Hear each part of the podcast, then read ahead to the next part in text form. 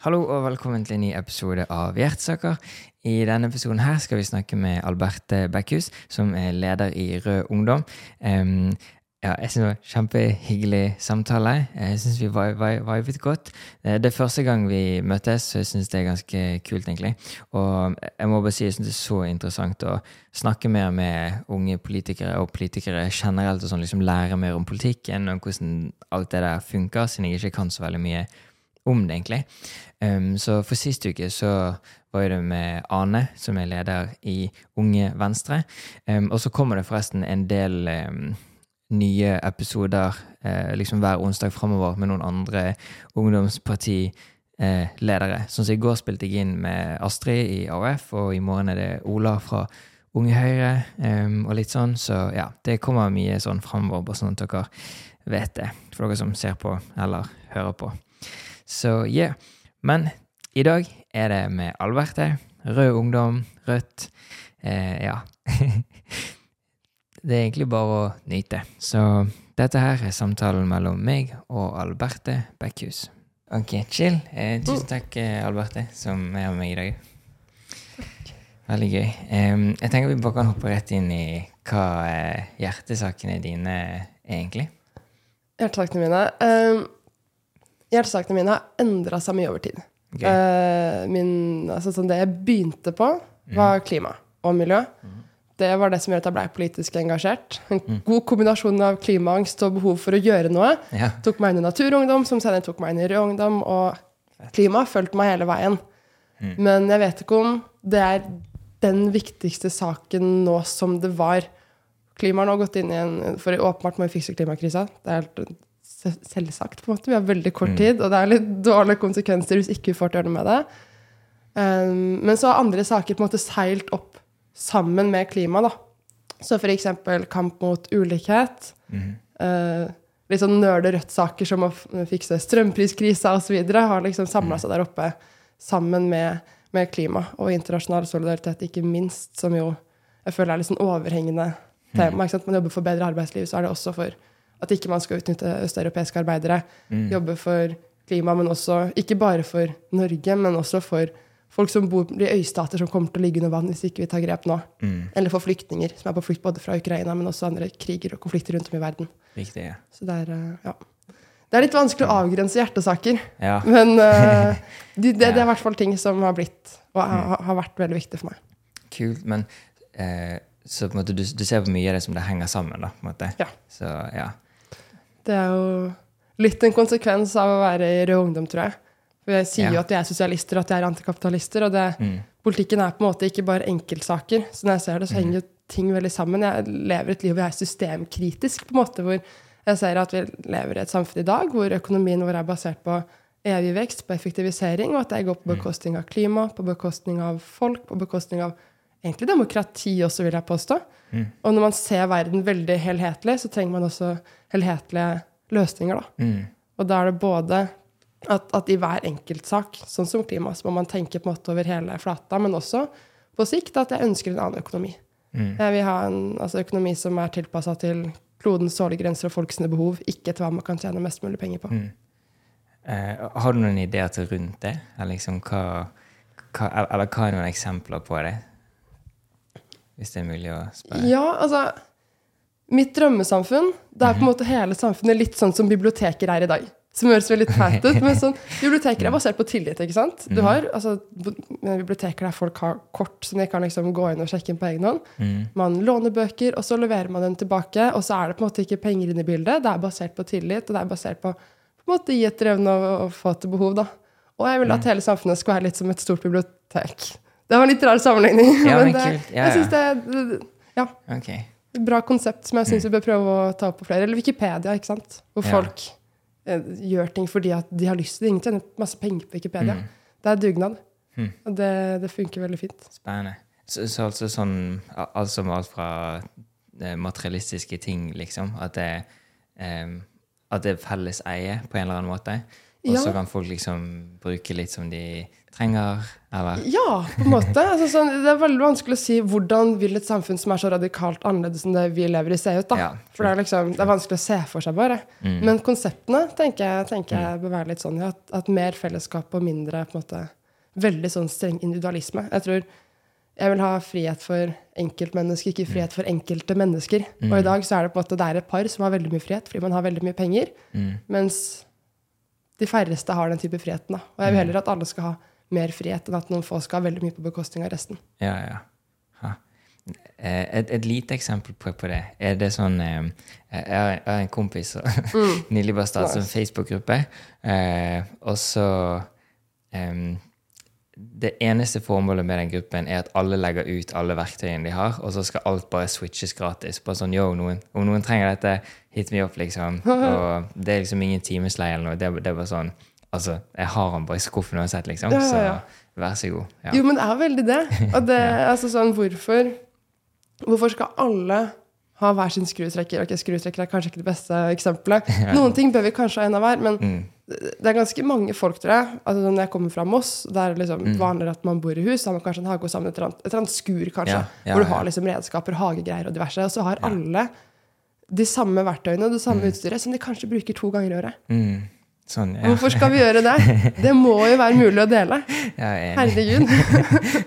Jeg så også en eh, reel eller TikTok eller et eller annet sosiale oh, medier-innhold. Altså ikke fra personvernperspektiv, men Nei, ja, eh. Vi kan komme inn på det òg, men ja. Men da, da, da så jeg at det var eh, Jeg vet ikke, om du har sett det, for det, det gikk liksom viral. Det var eh, en- dude som skulle liksom klippe plenen sin, Mhm. eh, og så hadde han kun en sånn liten sånn her eh, liksom. ja, ja, Eller sånne kantklipper. Oh, ja, eller noe. ja. Eh, men det hadde tatt liksom sånn, sikkert flere dager å liksom, ta hele plenen de hadde. da. Men så eh, så konen det, og så gikk hun i dusjen. Og så når konen kom ut fra dusjen, så filmet hun ut. Og da ser du at hele nabolaget har kommet med alle sine maskiner og liksom bare klipper plenen med igjen. Å, det er så holdsom! Det er så holdsom. Åh. ja, det er nydelig. Det det, det, I mitt verdenssyn er det også veldig mye tro på mennesket. Det er litt viktig Mm. Ja, faktisk ja. Mm. å si. at jeg, føler det er mange som driver med politikk, eller kanskje spesielt i klimakampen, som kan ha litt Ja. sånn negativt menneskesyn. Det er liksom, Ja, å, mennesker er så ødelegger jorda og alt det der. Men jeg, Mm. jeg kjøper ikke helt det, da. Jeg syns vi hele tida får eksempler på hvor flott mennesker er, og hvor Mm. mye liksom, bra man har å gi. Og det, det, er, det er ganske grunnleggende i verdenssynet mitt, egentlig, det samfunnet som jeg vil ha. At det er en Mm. sånn tro på at innerst inne så er vi jo flokkdyr, og vi stiller opp for hverandre. Og vi er der for hverandre. Og ikke for Jeg holdt på å si fellesskap fungerer, men det er sånn rødt slagord, så det ble litt Ja. rart. Men det funker, da. Ja, Hvis det er tilrettelagt for det. riktig. Ja. Når vi lever i et samfunn der vi hele tida må liksom konsumere og konkurrere med hverandre, Mm. og man dermed må underby hverandre i lønn? Det er sånn der race to the bottom igjen og igjen og igjen. tror jeg er dårlig for psykisk helse, men jeg tror ikke minst det er dårlig for, for fellesskapet. da. Mm. Hvis alle naboene dine egentlig bare er liksom potensielle folk du må konkurrere med for å kunne ha et OK Ja. liv, Ja, ja. selvfølgelig klarer man ikke stille opp på samme måte da. Mm. Hm. Hvorfor eh, valgte du Rødt, egentlig? Jeg var jo litt inne på det i stad, men jeg ble aktiv i Naturungdom først. Mm. Det var litt fordi tanta mi hadde jobba der på et eller annet punkt og liksom brydde meg om natur og klima og sånn, og så var jeg aktiv der. Jeg må si da, en del av bildet, foreldrene mine er også med i Rødt. Hm. Ja. Jeg kan ikke lyve. Eh, jeg oppklarer at de var veldig Det er kult, da. De var litt streng, eller sånn de, Jeg var veldig sta som barn, Ja. så de prøvde ikke å snakke for mye om politikk, fordi de var redd for at jeg skulle bli FPU-er. ja. Men eh, det ble jeg ikke, da. Nei. For jeg hadde sånn her aha-øyeblikk. Jeg tror det var 1. mai 2014 eller 2013. Okay. 2014, ja, Ikke så farlig. Um, hvor jeg bare Kampen henger sammen. What? Klima, arbeiderkamp, feminisme. Alle de tingene som jeg allerede på en måte brydde meg om. Mm. Og fikk en sånn på en måte systemforståelse. da. Mm. Og med en gang du ser at det er systemet som er problemet, så må man liksom melde seg inn. Følte jeg da da jeg var 14 år, at da må jeg melde meg inn i et ungdomsparti som har et alternativt system. Mm. Som også ser at det er systemet som er problemet, Sånn, ja. og ikke bare alle enkeltsakene. Og da blei det Rød Ungdom og Rødt, og har jeg egentlig hatt det bra siden. Hvorfor ikke eh, de andre eh, Eller sånn GU eller eh, SU eller Ja. Det tror jeg er litt tilfeldig. Altså sånn. Ja. Men jeg kjente en som var aktiv i Rå Ungdom, Mm. som gjorde det lettere å vite liksom, at det er deg jeg skal ta kontakt med hvis jeg har lyst til å bli med. Kult. Og da blei Ja. det, ble det RU. Og så tror jeg også Ja, at nice. igjen, man er jeg var ung, var litt radikal, var litt alternativt, da Mm. tenkte jeg også at sånn, ok, men RU er de som er lengst til, lengst til venstre, det er de som er tydeligst, da er det Mm. dit jeg går, på en måte. Kult. Så gøy. Ja, jeg synes det. um, og så lurer jeg på, vet du Hvorfor tror du at du har blitt valgt som leder i ja? Mm, en god dose gruppepress. Jeg ble valgt opprinnelig i 2020. Eh, liksom valgt samme uka som korona starta, så det var jo Mm. en spennende periode. Litt krevende start eh, som leder, skal jeg innrømme. Men jeg hadde egentlig ikke tenkt til å stille som Mm. leder. Jeg vurderte å stille som nestleder. Ok? Eh, Men jeg tenkte leder, det vet jeg ikke om jeg har i meg. Jeg vet ikke om jeg har lyst til å være liksom en politiker. Jeg vet ikke om den derre på en måte veldig sånn power, et eller annet, kjøre på Det er noen kvaliteter som på en måte ledere skal, hvis man skal være synlige ledere, som jeg ikke var sikker på om jeg hadde eller ønsket å ha, på en måte. Um, men så var det en del som sa vet du at du bør stille, du bør stille, og så gjorde jeg det. Og så tror jeg at jeg stilte også på en litt annen plattform enn det man hadde hatt tidligere, kanskje. Og da ble jeg valgt. Kult. Mm. Hvordan har det vært å vært leder? For hvor, hvor lenge har du vært leder nå, da? I to, nesten tre år? Nei. Jo, ja, Jo. eh, ja, tre år snart. Herregud. Ja. Wow. Det, er, um, det har vært veldig gøy. Eh, det har vært en bratt læringskurve, og det føler jeg fortsatt at det er. Mm. Jeg føler at mine erfaringer som leder har vært veldig prega av at to av de snart tre åra var under pandemien. da. Mm. Det er veldig Hvis man jobber med et ungdomsparti og med ungdommer generelt, så er en såpass stor del av det er jo å møtes, ikke sant? Altså, da jeg var aktiv i Moss Rød Ungdom, så var vi jo vi var jo en vennegjeng. Vi Mm. hang sammen i Rød Ungdom, vi hang sammen på fritid. Det sosiale var en veldig stor del av det. Mm. Det politiske også, selvfølgelig. Men når man skal lede en ungdomsorganisasjon, og plutselig så har alle medlemmene har Først har de åtte timer digital skole, og så skal du si nå må Ja. dere dra på to timer digitalt møte. Ja. Det går jo ikke. Mm. Så det Man blir fort lei, liksom. Man går jo fort lei, da. Så burde vi ha tenkt mer nytt enn det vi gjorde. Det klarte vi ikke. Det ble to år om å overleve. Jeg skal Mm. være så ærlig at det var bare nå må vi holde Gi det vi kan gi til medlemmene. Holde oss gående som organisasjon. Mm. Og så får vi heller gjøre en ordentlig dugnad på andre sida. Ja. Og det vil jeg jo si at vi har gjort. Og jeg er veldig fornøyd. Nå har vi f.eks. gått eh, Som regel så pleier man å gå ned i medlemstall når det ikke er valgår, men vi gikk opp fra 21 til 22. ja. Så vi er veldig fornøyd med det. Ah, nice.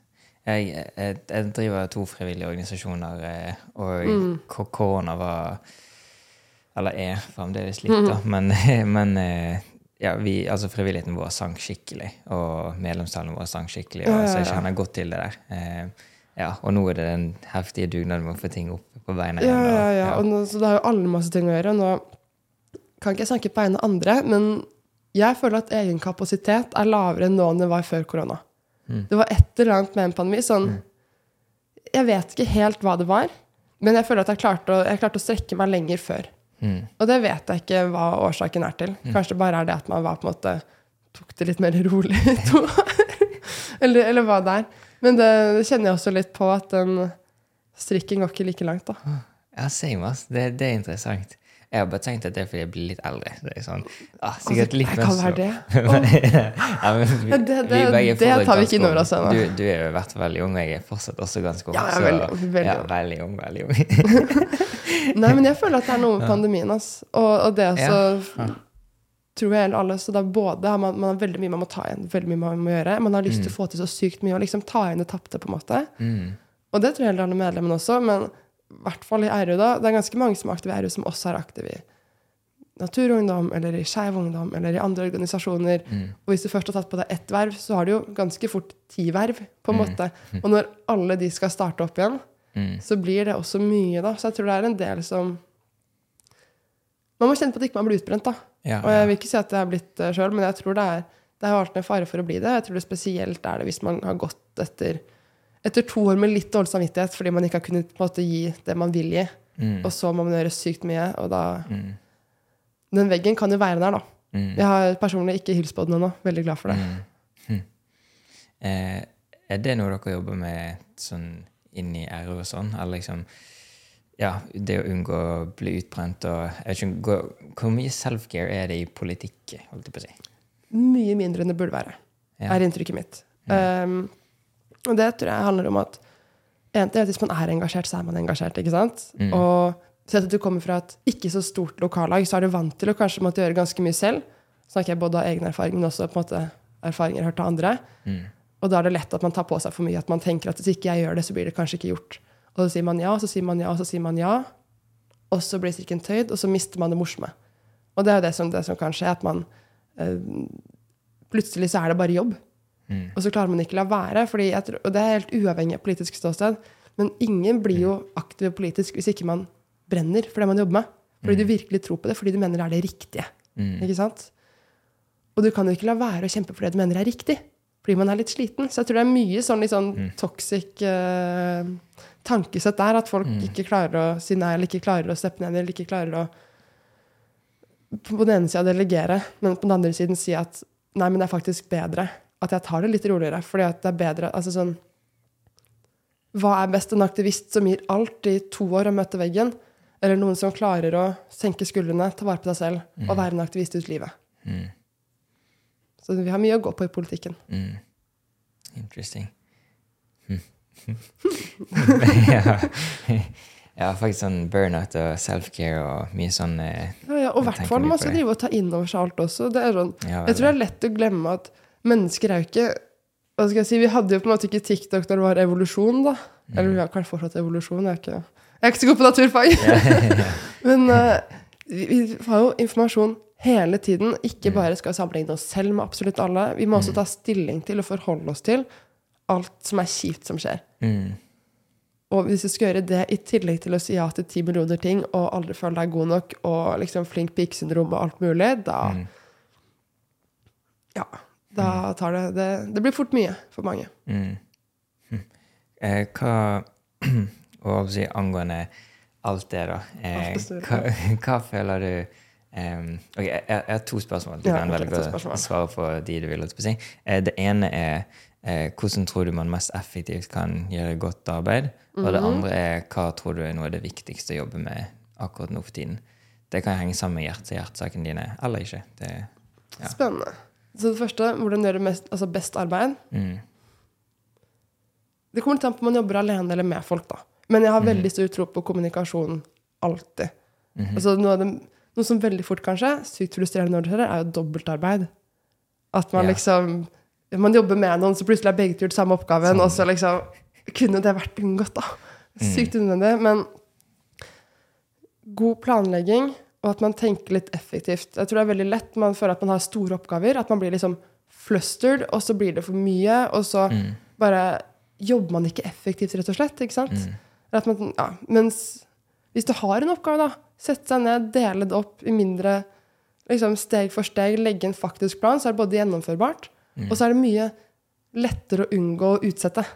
En enorm oppgave utsetter man. Men hvis det bare er 'jeg må sende den første mailen' Du sender jo den mailen på to minutter, mm, og det går fint. Mm. Um, jeg vet ikke om det var liksom det å svare på det du lurte på, men det er i hvert fall det jeg er. mm, Når jeg skal jobbe med politikk, har jeg merka at det er det som har gjort det mulig for meg å liksom mm, jo, gjøre store oppgaver små og overkommelige, og ha god kommunikasjon med andre samtidig. Og alt ligger i planlegginga den dagen. Altså sånn, jeg gikk en god del år uten å ha en ordentlig kalender, og jeg skjønner ikke hvordan jeg gjorde det. Jeg bare hadde ting i hodet mitt. Forferdelig dårlig det. Det var veldig, veldig stressende nå. ja. Kanskje ikke full kontroll, men sånn 70% kontroll. Og det syns jeg er mye bedre enn 20. ja, ja. Men det viktigste jobber man Mhm. Jeg tror den viktigste oppgaven vi har framover, og det er ikke en politisk sak, men den viktigste oppgaven vi som samfunn har, Mhm. er å holde flere tanker i hodet på en gang. Og det høres veldig sånn teit ut, men altså, i media, i offentlig samtale, så går man fra tema til tema til tema. Og noen temaer varer kanskje et par uker, andre varer kanskje bare en dag. Og det er jo på en måte riktig, det. Sånn, altså public discourse, eller hva det heter på norsk, det kommer til å endre seg, og det kommer til å bevege seg fort, og det er på en måte ikke egentlig et problem. Men det blir et problem når det fører til at vi ikke klarer å på en måte opprettholde fokus flere steder. For å ta um, altså to veldig aktuelle temaer, klima og Ukraina-krigen. De er Den ene kan ikke si at det er på en måte viktigere enn den andre.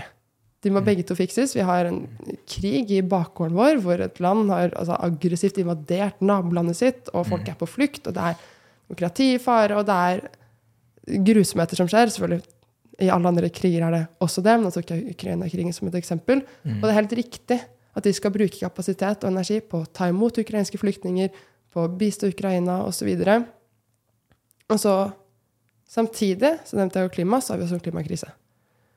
Og det at det er krig i Ukraina, gjør ikke at vi kan utsette å fikse klimakrisa. Fordi klimakrisa har en hva er det nå, 2023? Det er sju år til vi skal ha halvert utslippene våre.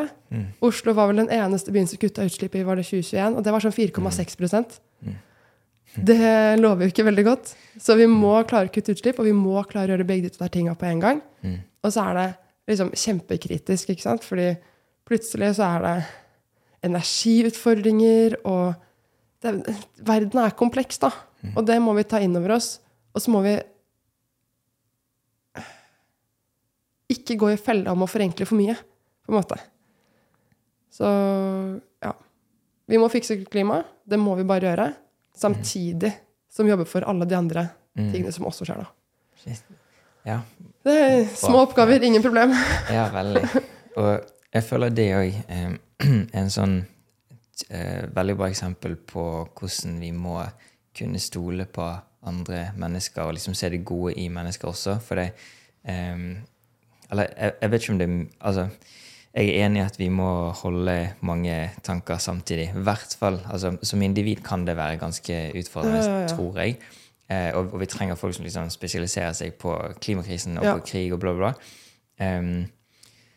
Men at man da liksom virkelig må liksom stole på at at det er andre gode mennesker som virkelig prøver å løse de andre pro problemene. Ja, ja, Og så må du fokusere på det du klarer også. Ja. som, men, men som politiker, da, da føler jeg altså det, det er en sånn posisjon hvor du må holde nesten alt, liksom. Du må liksom ha en mening om Ja. nesten alt. Eller hvordan funker det egentlig? Eh, For altså sånn, Når jeg bare skal preppe litt til podcast-episoder eller til de forskjellige tingene jeg gjør Ja. eh, i mitt arbeidsliv og sånn, så er liksom Damn, det blir fort mye. Eh, og, så føler jeg jeg kan litt om alt, men eh, Åh, ja. Eh, Hva tenker du? Hva tenker jeg? Først, helt enig i presiseringa di, at det er en, hvilken rolle man har, har mye å si. ja. Eh, altså Ja, er man fulltidspolitiker eh, i et parti, eller jobber man frivillig i en miljøorganisasjon, eller er man bare et menneske som har lyst til å gjøre verden litt bedre? på en måte. Mm. Og helt, helt enig at må man, man må kunne ha den tilliten til andre. Man må liksom kunne se at det er gode krefter der ute, og minne seg på at det er gode krefter eh, som, som gjør en god jobb. Um, og at man kan ikke gjøre alt sjøl, på en måte. Mm. Og ja, da får man det aktivist burnout med en gang. ja. Um, hvordan man som politiker har oversikten over alle temaene. Ja, har du noen gode tips?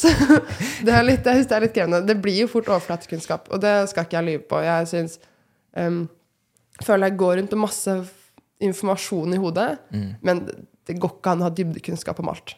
Nei, sant. Altså det er liksom, Jeg har et, en sånn oversikt.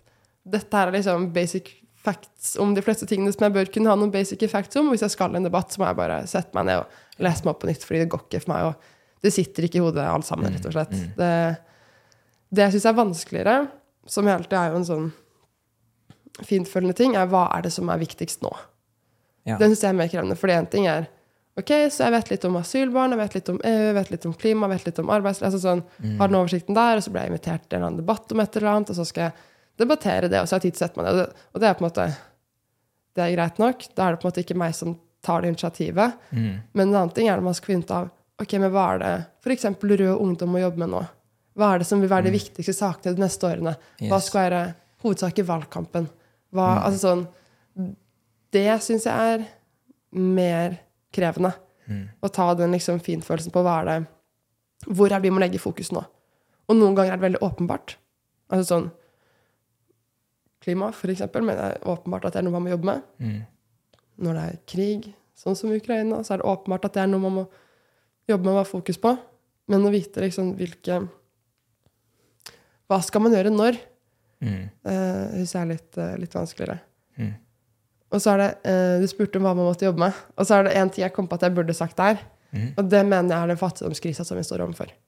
Ja. Både i Norge og også i verden. At man har Mm. sjuk inflasjon. Folk har ikke penger. Mm. Og det På den ene sida så er det, altså, det er blodig alvor hvis folk fry... Altså sånn Hvis folk ikke kan varme opp hjemmene sine, Mm. så blir folk syke. Folk kan fryse, i hvert fall nedover i Europa, hvor det er enda verre enn det er i Norge nå. Mm.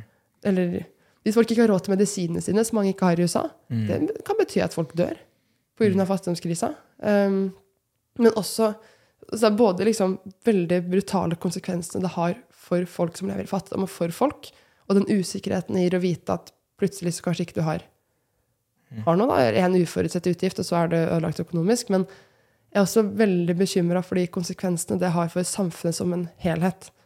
Fordi det er ganske godt dokumentert at stor økonomisk ulikhet fører til mindre tillit, mer politikerforakt, mer kriminalitet. Det er utrolig skadelig for samfunn. Og når vi har store oppgaver som vi skal løse framover, da, for vi har enorme oppgaver, så er vi helt avhengig av å ha tillit. Vi er helt avhengig av å på en måte kunne funke sammen som et samfunn. Og det er jeg redd for at vi mister. For ikke å snakke om at stor ulikhet og stor usikkerhet også kan føre til at folk får mer um, hva skal jeg si, ekstreme holdninger. Så faren for liksom, homofobi, kvinnehat osv. Kan, også, kan også øke med at folk er mer usikre situasjoner. Og det er jo å gå i helt feil retning. Wow. Skal vi se, så vi kan ikke begynne med den én ting over hvert eh, Oi. parti Det kan vi gjøre. greien, og teste det ut. Teste det ut. Ok, så en eh, Ja, en positiv ting per parti, Mm. og en sånn hyggelig feedback, eh, konstruktiv tilbakemelding. Hyggelig feedback og konstruktivt. eh, feedback konstruktivt. Veldig bra. Veldig bra. sånt. Ja. Det får vi til. Ok. Mm, hvor skal jeg begynne? La oss begynne nærmest oss selv. Og så kan vi ta det bortover Kult. til høyre. Så SV mm. mm, Altså, jeg er jo enig med SV med veldig, i veldig mye. Så jeg syns de har god klimapolitikk og god arbeidslivspolitikk og god flyktningpolitikk. De er helt på linje med oss. Mm. Så det synes jeg, og jeg syns SV har veldig god, eh, bra politikk. Og så syns jeg de har uh, også gjort det veldig bra nå i møte med regjeringa, hvor de jeg synes de sto tydelig på kravene sine. Og det virker som at de har lært av sist gang de satt i regjering, at ikke man liksom skal gjøre det for enhver pris. da. Så de får mange gode gjennomslag nå. Mm, en konstruktiv tilbakemelding til SV. Mm. Kunne meldt overgang til Rødt, da. Nei da.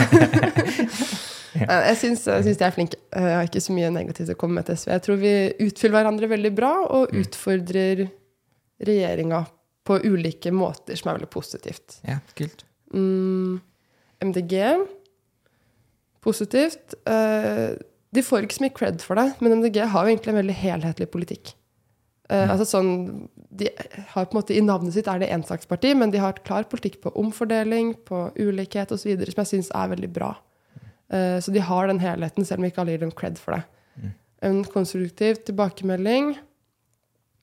Jeg tror MDG hadde hatt godt av å gå litt inn i retorikken de bruker til tider. Altså sånn, for jeg tror de kan ha en splittende retorikk. Og egentlig ikke splittende som at, eller Før valget i 2021 så syns jeg det var veldig sånn For mot trut og lett etter rolle. Punktum. Du er for oss eller du er mot oss, på en måte. Men eh, når det kommer til ja, la oss ha strømprisproblematikk, da, så tror jeg de kunne hatt godt av å prøve å vise seg enda mer empatisk overfor eh, folk, og enda mer forståelse for at sykt mange nordmenn har stått i en sykt vanskelig situasjon i ganske lang tid. da. Mm. Um, hvilke flere partier finnes det? Arbeiderpartiet. Og bare spør hvis Ja, ja, ja. Det, jeg kommer sikkert til å glemme noen. Hmm, Arbeiderpartiet uh, Ja, de har jo sikkert hjertet på rett sted, da. Og så syns jeg ikke politikken deres tilsvarer hvor hjertet deres bør ligge. Nei da. Eh, konstruktiv tilbakemelding til Arbeiderpartiet. Dere er et sosialdemokratisk parti, og da har dere lov til å ha en sosialdemokratisk strømpolitikk, selv om ikke EU kommer til å bli så fornøyd hvis vi innfører makspris på strøm. Jeg, sånn, mm. Eh, jeg, jeg hadde veldig store forhåpninger til Arbeiderpartiet, for jeg syns det virka som at de skulle til å faktisk gjøre et retningsskifte. Og så skjønner jeg at når de gjør dårlige målinger, så må de prøve seg litt fram. Men jeg tror, jeg tror de har tolka litt feil. Jeg tror Arbeiderpartiet tror at de gjør det dårlig på målingene fordi at de ikke får den vanlige folk sin tur, og ikke nok fokus på bedrifter eller et eller annet sånt. Men jeg tror at Arbeiderpartiet, grunnen til at de gjør det dårlig, er fordi at de sa nå er det vanlige folk sin tur. uten at politikken deres var nok tilpassa til vanlige folk i f.eks. strømpriskrise, ulikhetskrise osv. Så, videre. så jeg tror at eh, Ja, men det er ikke det vi skal prate om nå. Senterpartiet eh, Det er veldig bra at noen taler eh, bondens sak i Norge. Helt åpenbart. Vi er sånn, har sånn 40% selvforsyningsgrad i Norge. Det er ikke veldig bra. Den bør opp. Så flott. Og de ga masse tilbud til bondene i bondeopprøret. Nei, bøndene i bondeopprøret. Oppgjøret, mener jeg. Mm. Konstruktiv tilbakemelding. Mm, ja De også har kanskje gitt Noen ganger så er det bedre å ikke gi løfter. Si at man har lyst til å jobbe for å få til, men ikke si at noe kommer til å skje. I hvert fall hvis man vet at det ikke er sikkert at den tingen kommer til å skje. Jeg tror mange føler seg litt snytt. Um, og så kan, Jeg husker ikke hva han heter, men de har en politiker som bare virker som har som hjertesak å være kritisk til transpersoner, og det syns jeg er litt, uh, litt unødvendige uh, prioriteringer av ressurser, da, kanskje. Mm, venstre Mhm. Ja, de bryr Jeg syns Venstre er veldig god på personvern. Jeg tror kanskje Venstre er det partiet i Norge som er tydeligst på personvern, og det er kjempebra. Der tror jeg vi har altså, Jeg tror mange av oss har mye å lære der, da, faktisk, av, Venstre. Og de har liksom tatt den. Det, der tror jeg hele samfunnet har vært på etterskudd når det kommer til altså, big tech og Zoom og personvern. Altså, sånn, det har vært nærmest uregulert, så at Venstre er der, kjempebra. Um, konstruktiv tilbakemelding. Um, jeg syns kanskje Venstre kunne vært eh, litt mer glad i arbeidsmiljøloven og sykepenger. Det, jeg personlig syns de har litt å gå på når det kommer til sånn rettigheter til arbeidsliv og, og sånt. da. Mm.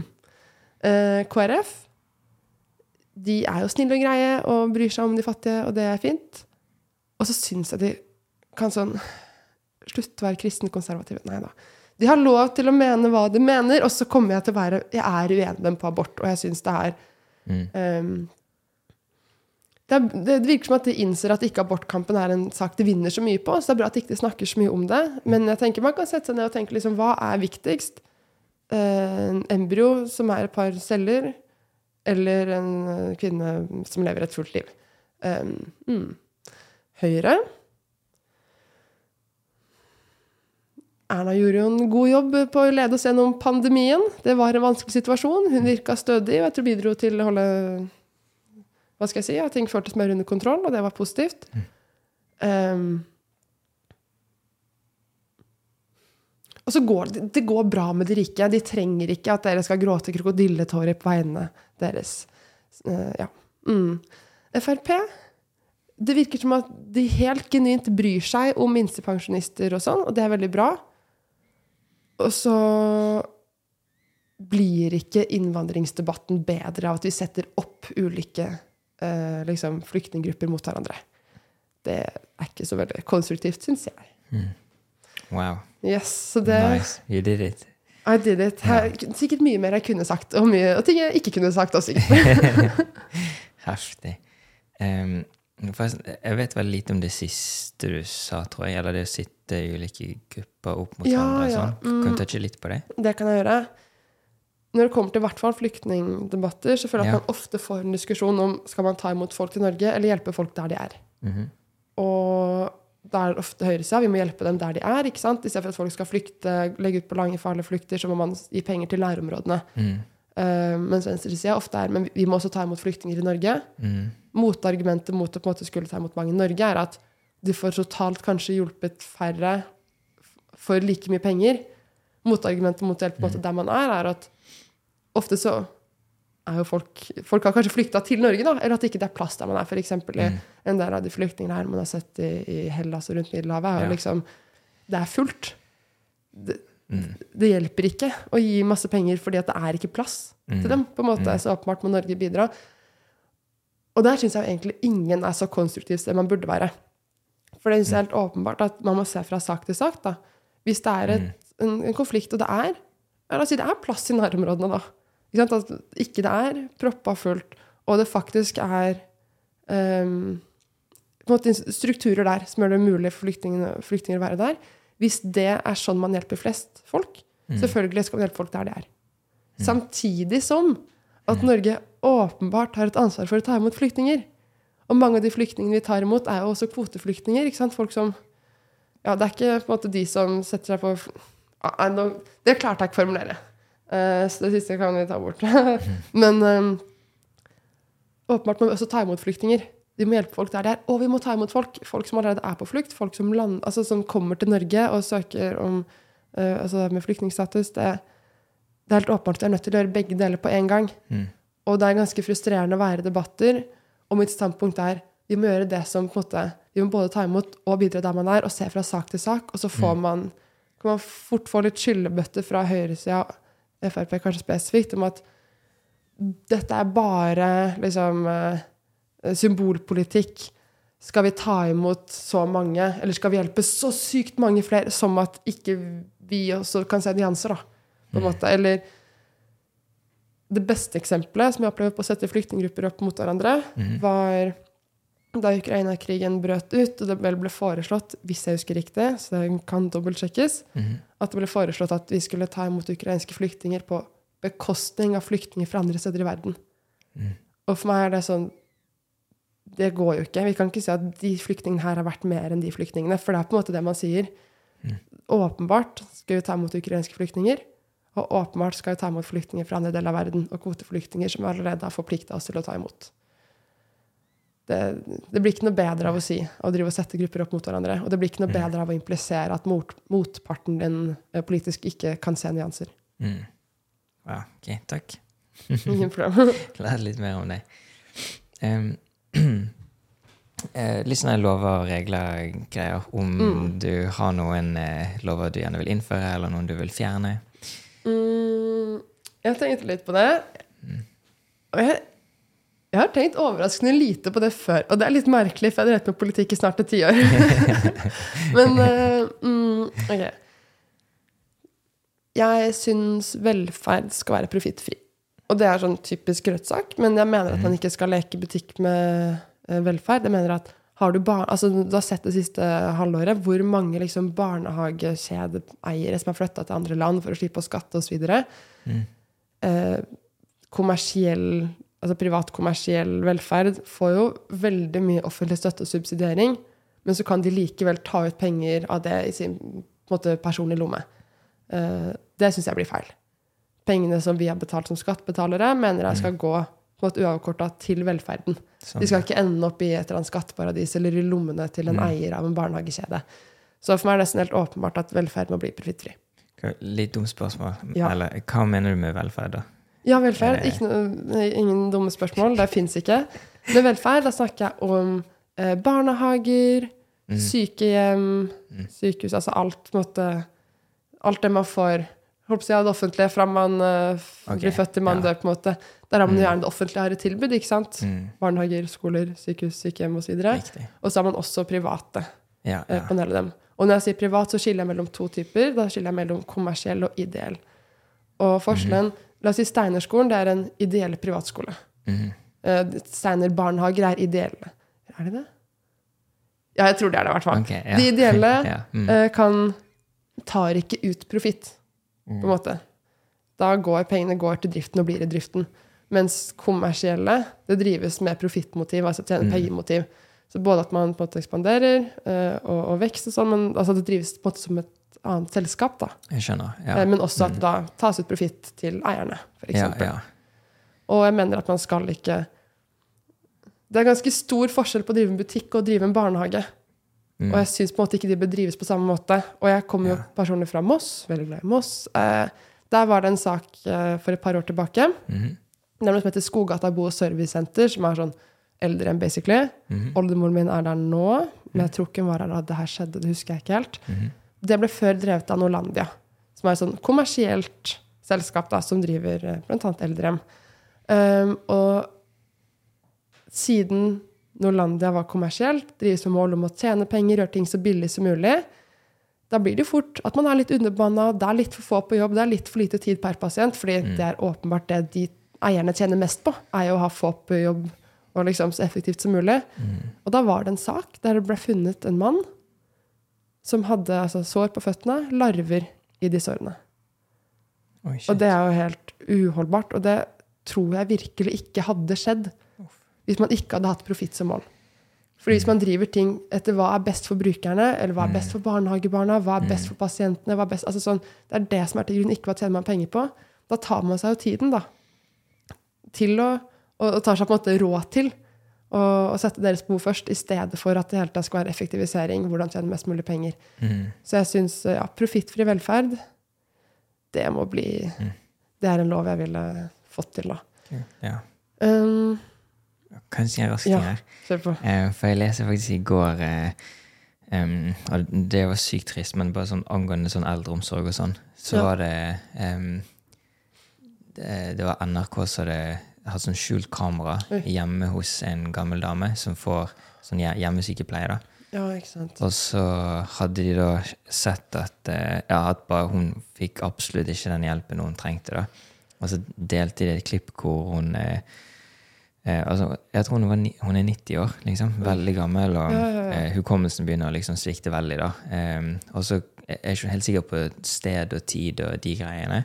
Og så hadde en eh, sykepleier kommet hjem til henne, og, eh, og så hadde hun spurt sånn, hva er klokken? Og så sa hun sånn, klokken er ti over ni. Ehm, men så får hun en telefon, altså sykepleieren, eller han eller hun eller hen litt usikker. Ja. Og så ehm, spør hun gamle damen igjen på nytt, da, sånn Å, om morgenen eller kvelden? Eh, og så eh, får ikke hun svar, fordi sykepleiere er i tele Ja, telefon og fikk ikke med seg spørsmålet. Og så ser du på skjult kamera at eh, hun gamle damen bare sitter oppe hele den natten og tror at det er morgen. Venter på at hun skal komme opp, liksom. Å, det er det verste jeg har hørt. Det er faktisk helt grusomt. Å, det er sånn som kan få meg til å begynne å grine. Altså. Det skal jeg ikke gjøre nå. Men det Ja, er sånt det- det... er så vilt. Men Ja. det må sies da at Mm. jeg er veldig kritisk til kommersiell drift. For setter man pengene først, så vil det gå på bekostning av noe. Men hvis jeg kunne endra på lover og regler og hvordan vi gjør ting, Mm. så må man jo også se på det offentlige. Mm. Fordi det er ikke godt nok.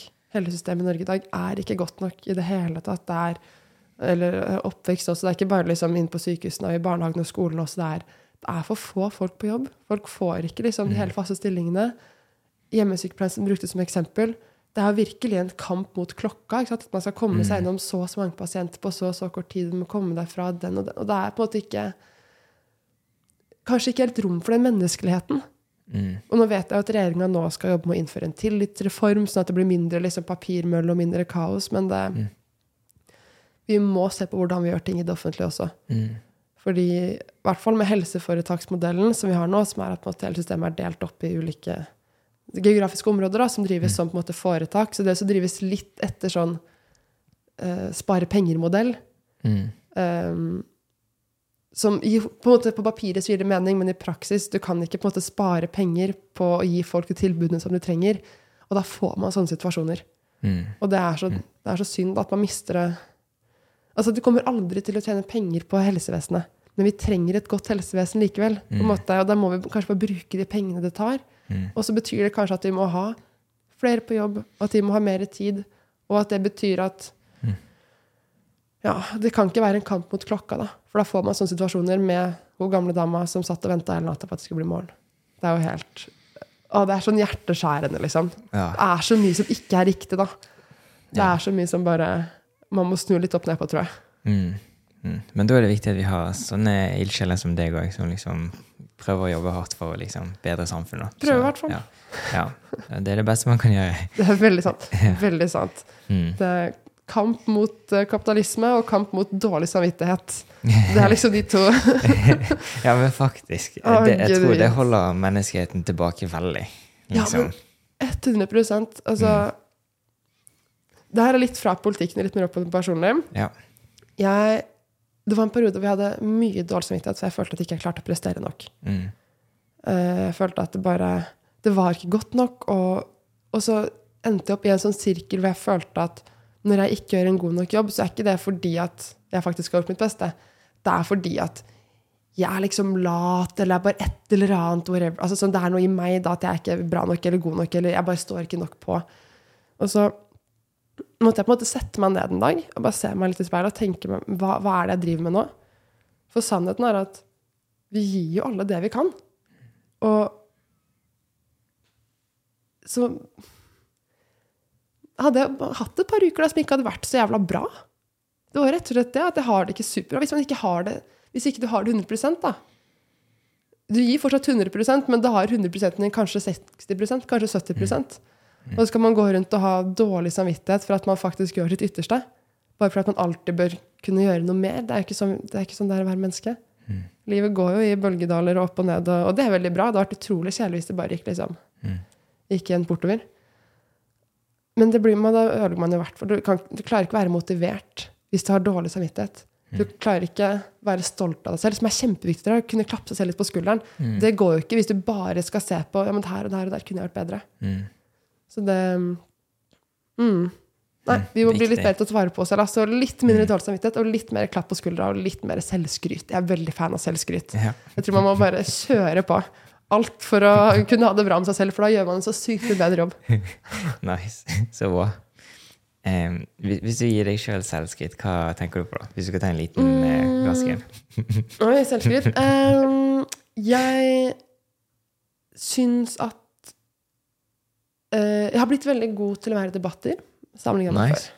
Før så hadde jeg alltid dårlig samvittighet etterpå. Jeg, burde, jeg tenkte alltid at jeg burde si det, jeg burde sagt dette, jeg burde gjort Mm. dette. Jeg burde... Men når jeg både slutta å si det til meg selv, fordi gjort er gjort, på en måte Jeg burde sagt det, ok, men jeg sa det ikke. Hvorfor skal jeg stresse med det? Mm. Men at jeg så har lært meg å måte, snakke litt roligere, samle meg litt, veldig bra. Men eh, jeg syns også jeg har blitt bedre på å avklare forventningene mine overfor folk, som er veldig bra. Tidligere så tror jeg at jeg, jeg har vært, hatt fort for å eh, Hva skal jeg si ikke klar, Ende opp med å ta på meg mer enn det jeg bør, for jeg ikke har vært tydelig nok til å kommunisere til andre hva jeg trenger at de gjør, og hva jeg kan gjøre, og hvordan vi skal funke sammen. Og da har jeg både blitt sliten, og andre folk har på en måte ikke Det er litt dårlig gjort òg, hvis jeg ikke tør å si til deg jeg forventer at du gjør dette, så er det også på en måte en slags mistillit fra meg til deg, fordi da får ikke du muligheten til å vise Mm. Altså og, og, å gjøre den jobben da, som jeg forventer at du gjør, egentlig. Mm. Så det ja, Det er mye forskjellig. Og så er det generelt, da. Sånn. Hvis jeg syntes det var vanskelig å stå opp en dag, og så sto jeg opp for det òg. Vet du hva, jeg skryter av meg selv for det òg. Vet du hva, det var en kamp mot alarmen i dag, men jeg vant. Oh, jeg Jeg vant sånn. mot slumreknappen. Nice. Det, ja, ja, ja, man må ta de seirene man får. oh, så gøy. Kult. Ok, og så kan vi bevege oss på um, eh, Ta dette ut til, eh, til samfunnet, til politikken og sånn. Så hvordan må det bedre mental helse, psykisk helse og litt sånn jeg vet ikke, har du noe, hva, hva tenker du er viktig for det nå for tiden, liksom? Eller hvordan kan vi hjelpe samfunnet? Mm. Hvordan kan vi hjelpe samfunnet bedre psykisk helse? Sykt små spørsmål. Ja, jeg know. Eh, jeg tror at her også så må vi se på strukturer. Mm -hmm. jeg føler at psykisk helsediskusjoner mhm, har blitt veldig sånn individfokusert. Det er veldig sånn eh, Jeg har det sånn, jeg må gjøre dette. At man så glemmer man hvilken kontekst vi lever i. mhm. Um, fattigdom er helt sykt knytta opp med dårlig psykisk helse. Mm. Og det snakker man ikke om så mye, opplever jeg. Mm. Eller at vi lever i et konkurransesamfunn der først er det på en måte konkurranse på de beste karakterene, konkurranse om å komme inn på de beste studiene, konkurranse om jobbene. Eh, At, at det hele tida er et sånt press og et jag på det neste. At ikke det er liksom lov å være fornøyd med der man er i livet. Mm. Selvfølgelig er det dårlig for psykisk helse. At vi hele tida blir satt opp mot hverandre. Selvfølgelig er det dårlig for psykisk helse. At vi har sosiale medier-apper som tjener helt sykt mye penger på å gjøre oss avhengig av å se andre folk leve bedre liv enn det vi gjør. Mm. Selvfølgelig er det dårlig for psykisk helse. Eller eh, kosmetikkbransjen, plastisk, nei, kosmetisk kirurgibransjen, som, Mm. som tjener masse, masse penger på å selge inn usikkerheter. Mm. Selvfølgelig er det dårlig for psykisk helse. Altså, vi lever i et samfunn som, med et skjønnhetstyranni, der vi alle skal være bra nok og alltid vil bruke penger på en ny krem eller en ny behandling. Mm. Eh, og vi lever i et konkurransesamfunn, et kapitalistisk konkurransesamfunn, der vi i stedet for å gå sammen i fellesskap blir satt opp mot hverandre. Mm. Eh, og nå lever vi også i et samfunn hvor det er høy fattigdom og høy økonomisk usikkerhet, som også er forbundet med dårlig psykisk helse. Så åpenbart så er psykisk helse en, på en måte individuell ting. Det er klart at det er Man må jobbe med seg selv, og i en del tilfeller så er jo løsninga ja, det er rett medisiner, og det er, det er å gå til psykolog. Men jeg tror at skal vi ta på en måte psykisk helseproblemene ved rota For jeg opplever at det er Mm. det er ikke bare liksom enkeltfolk. Det er på en måte hele samfunnet har litt dårlig psykisk helse for tida. Mm. Da må vi også se på de strukturene der. Mm. Da må vi tenke at ok, men kanskje det er også noe galt med samfunnet. At vi lever i et samfunn som gjør oss syke. Og da, da er det ikke bare individuelt eh, vi må fikse problemene på. Da, da må vi fikse det på et samfunnsplan. Så det var litt sånn overordna ideologiske psykisk helse. Men det er også sånn selvfølgelig rent konkret. Sånn, jeg tror samfunnet hadde hatt bedre psykisk helse hvis vi ikke hadde hatt fraværsgrensa. på en måte. Høyre foreslår gang på gang å innføre karakterer liksom på, fra med barneskolen og sånn. Forferdelig dårlig idé. Barn nå begynner på skolen når de er Jeg var fem år da jeg begynte på skolen, ikke sant? For jeg fylte seks litt jeg fylte av bursdag seint på året. Så barn begynner på skolen når de er fem år gamle. Og så har vi fått masse flere skoletimer i løpet av de første skoleårene. Altså sånn, selvfølgelig er ikke det bra for psykisk helse, det heller. På en måte. Og selvfølgelig er det et enormt problem at landet over så møter elever en stengt dør hos helsesykepleieren. Eh, Eller at det tar liksom hvor lang tid fra man får ber om hjelp til man får hjelp i altså psykisk helsevesen. Det er masse, masse ting som gjøres der, da. Masse konkret politisk, masse tiltak. Men også det strukturelle. Tenker jeg. Bra. Takk. Ok, jeg lurer på, Har du noen tanker rundt eh, gruvedrift på havbunnen eller veganisme, eller begge? Jeg har meninger om begge. Ok. Kjør på. Uh, Yes. ok, Grudris på havbunnen. Start med den. Jeg syns den er litt vanskelig, fordi jeg er veldig veldig fan av føre-var-prinsippet. Det tenker jeg må ligge til grunn for absolutt alle utbygginger, alle inngrep, alt man gjør naturmessig. Eh, og når det kommer til spesielt gruvedrift på havbunnen det er et ganske, Inntrykket mitt er at det er et ganske nytt konsept. Vi vet ikke helt, altså, Ja, det er snakk om antageligvis en god del mineraler, men vi vet jo ikke hvor mye det vil forstyrre dyra på havbunnen osv. Samtidig så er jeg industripositiv. Og jeg er ikke sånn Jeg er for eksempel veldig mot La oss ta Førdefjorden som eksempel. Jeg er veldig mot at de skal dumpe eh, gruveslam i fjorden. Men jeg er ikke mot at de skal ha en gruve. Mm. Altså, hvis man gjør det på en måte som ikke, som ikke har så mye inngrep i naturen, så tenker jeg ok, mineraler er i seg selv ikke et problem å ta ut. Så når det kommer til gruvedrift på havbunnen, så er jeg på en sånn jeg, kan ikke, jeg klarer ikke å si et absolutt nei. Men jeg kan ikke si et ubetinga ja heller. Og nå er det jo litt planer for det. Inntrykket mitt er at der har det ikke vært nok undersøkelser i forkant. Så for meg, vi kan godt ha undersøkelser om konsekvensene av det. på en måte. Og hvis de undersøkelsene viser seg at det er få til ingen negative konsekvenser, så kan jeg være for gruvedrift på havbunnen. Men jeg kan ikke bare si 'yes, kjør på'. Fordi vi står i en naturkrise i tillegg til en klimakrise. Og det er veldig det er nok økosystemer som står i fare allerede, på en måte, om ikke vi skal begynne å rote til med enda flere. Um, veganisme. Jeg er personlig ikke veganer. Jeg var vegetarianer et par år, og så var det litt diverse greier som gjør at jeg ikke er det nå. Um, jeg tenker at det er det er på en måte ikke min rolle å mene for min folk sitt kosthold, men det er litt det også. På en måte. Fordi åpenbart trenger vi et kosthold som er bra for klima og bra for dyr og bra for mennesker. på en måte? Det har både folkehelse og framtida vår Det er ganske viktige temaer. da. Så jeg tenker at det viktigste vi gjør, er å få ned kjøttforbruket. På en måte, Det tror jeg er number one, og det handler om klima. og da, For meg er ikke det en fuck you, norske bønder, dere skal ikke produsere kjøtt mer. Men liksom en, vi må få ned forbruket av kjøtt. Det er det viktigste. Og hvis vi f.eks. reduserer mengden import da, og har høyere standard for norsk kjøtt, kanskje det er en løsning. sant? For da, Man spiser kanskje mindre kjøtt, men til mer kvalitetskjøtt. og nå vet ikke jeg om du er veganer, det er sikkert litt kynisk å høre på meg sitte og prate om sånn kjøtt. Men jeg tror det viktigste er å få ned kjøttforbruk, og at man må kommunisere det på en måte som ikke fremmedgjør. På en måte. For jeg tror et par folk blir jo veldig sånn Nei, skal du ta fra meg biffen min nå? Ja, ja. På en måte. Eh, og d- da kommer ikke folk til å spise mindre kjøtt. Mm. Men jeg tenker veganisme jeg, Moralsk sett er jeg veldig for det. Selv om jeg på en måte i praksis ikke utøver det. Eh, og så tror jeg det er Det er, det er litt sånn, jeg føler det er litt sånn som uh, zero waste. Ikke sant? Åpenbart vi må redusere avfallet. Det er veldig bra at noen folk gjør zero waste 100% Og hvis noen gjør det, så er det kjempefint. I hvis det da i tillegg veldig mange gjør zero waste uperfekt, da er vi inne på noe bra. Jeg føler det er det samme. Det er veldig bra at noen folk er veganere. Og sikkert på en måte jo flere, jo bedre. Eh, og så er det i tillegg bra om det store flertallet blir, kanskje ikke blir veganere, men kutter ned på forbruket. Og tenker hvor er det maten min kommer fra? Hvilke utslipp har den? Er den forbundet med mer eller mindre lidelse? Hvordan kan jeg på en måte ha et så etisk kosthold som mulig? Så nei, folk må spise holdt på å si hva de vil. Og så tenker jeg at min rolle som politiker må være å tilrettelegge for at den maten man spiser, er så etisk og klimavennlig som mulig. Mm. Uh, og at man samtidig opprettholder uh, norsk landbruk. Spennende. Ja, takk. Ja, Har du noen kritiske spørsmål? Nei, eh, egentlig ikke. Ja. Men ja, jeg, jeg, jeg er veganer, men jeg husker rett før jeg ble det, så var jeg skikkelig sånn Jeg kommer aldri til å bli veganer, liksom. Eh, men så bare lærte jeg mer og mer. Jeg har også levd helt zero waste, faktisk. Oi. Eh, men jeg må si det er mye lettere å være veganer enn å leve helt zero waste, faktisk. Det, å Ja, leve ja, helt zero, zero waste er crazy.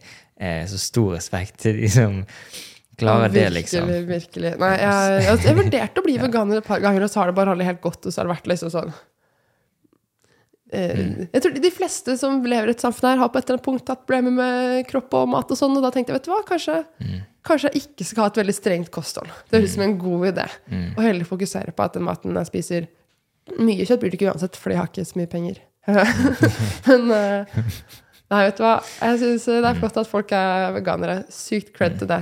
Og så må man bare få til å få ned Og det her er litt sånn sidespor, Ja, så sorry for det. Um, Der er bra. jeg syns uh, moren min hadde et litt godt eller litt interessant take når det kom til på en måte redusert kjøttforbruk osv. Mhm. Og igjen, der er moren min som også er med Rødt, så det er liksom fra et litt sånn venstreside systemkritisk eh, perspektiv. Mhm. For da var det en diskusjon som gikk, eh, hvor det var noen som var veldig sånn folk må spise mindre kjøtt, de må spise mindre kjøtt, og det på en måte helt enig.